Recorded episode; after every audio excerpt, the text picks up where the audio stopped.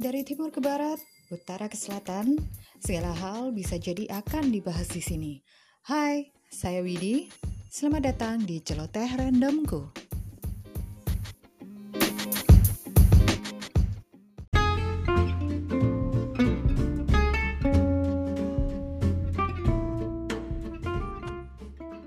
Hari ini saya ingin bercerita aja sih ya gara-garanya di blog temenku ada yang cerita tentang pengalamannya membawa kucing dari Riau ke Jakarta. Jadi saya pikir nih ini topik seru gitu loh. Bisa jadi nggak banyak orang tahu perkara ini. Ya memang setauku sih ada yang sampai bawa peliharaannya ke pesawat. Tapi kan kita nggak ngerti ya gimana prosedurnya. Apakah mereka dibelikan tiket juga atau diperlakukan seperti barang.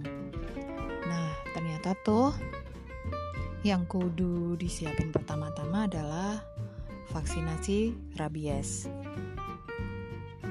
Jadi, si vaksinasi rabies ini merupakan keharusan ternyata ya untuk mengurus untuk mengurus surat karantina kalau ada uang lebih sih nggak apa-apa vaksin komplit.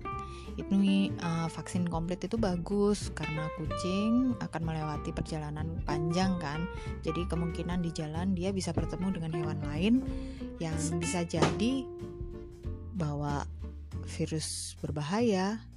Nah vaksin komplit itu apa aja sih? Ya selain rabies juga ada rhinotracheitis. Rhinotracheitis, salicivirus, virus tulisannya, terus panleukopenia, sama chlamydia. Nah, dengan vaksin komplit itu otomatis ya kucing itu akan memiliki tameng. Kalau ketemu hewan lain atau mungkin tempatnya itu kurang bersih kali ya itu udah terlindungi dari dari apa itu uh, virus-virus uh, tersebut gitu. Jadi kalau vaksin rabiesnya itu sangat murah, harganya 30.000 per kucingnya. Ya kalau untuk anjing juga nggak ngerti ya, soalnya yang di sini yang dibahas sih kucing. Nah kalau vaksin komplitnya sendiri itu sekitar 200.000 per kucing. Seperti itu.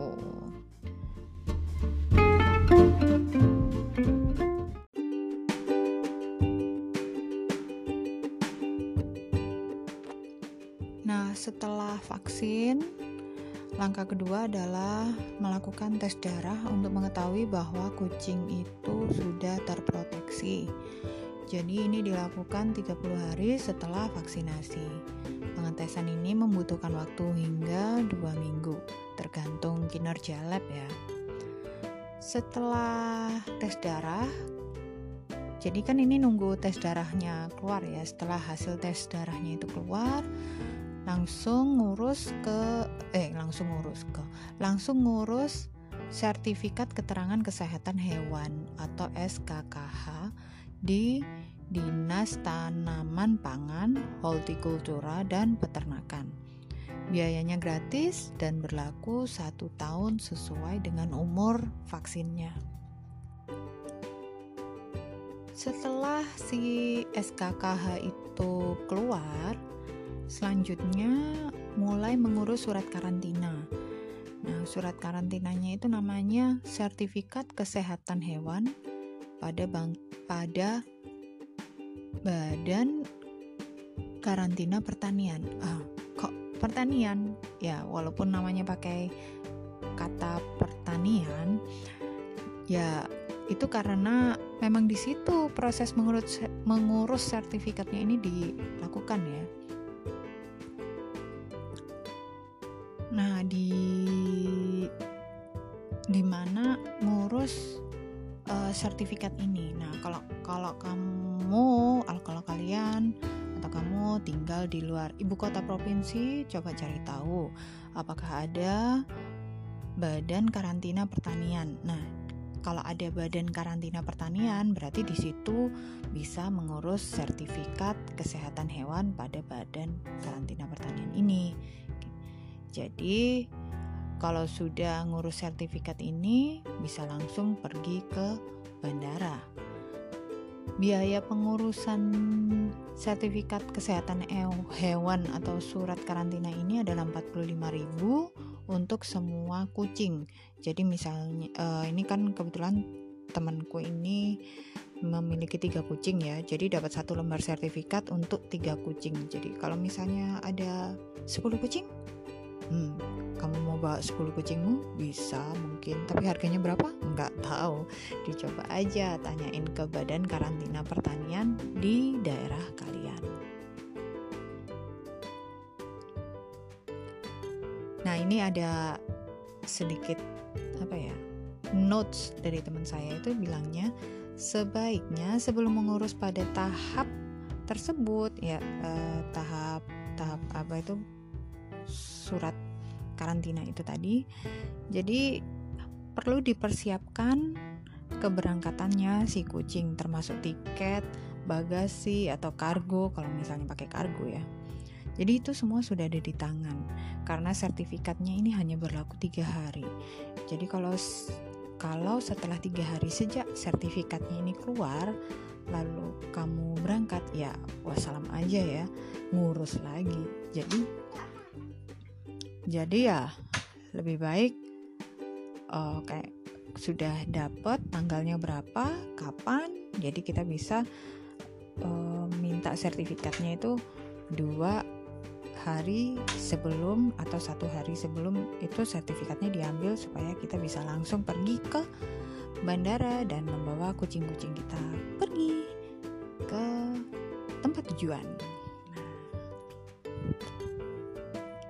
Karena temanku ini membawa serta kucing-kucingnya dalam satu pesawat ya, maka temanku kudu mencari pesawat yang memiliki aliran udara di ruangan bagasinya. Jadi kalau pilotnya tahu kalau ada binatang peliharaan di ruang bagasi, pilotnya bisa mengaktifkan sirkulasi oksigen di ruangan bagasi tersebut.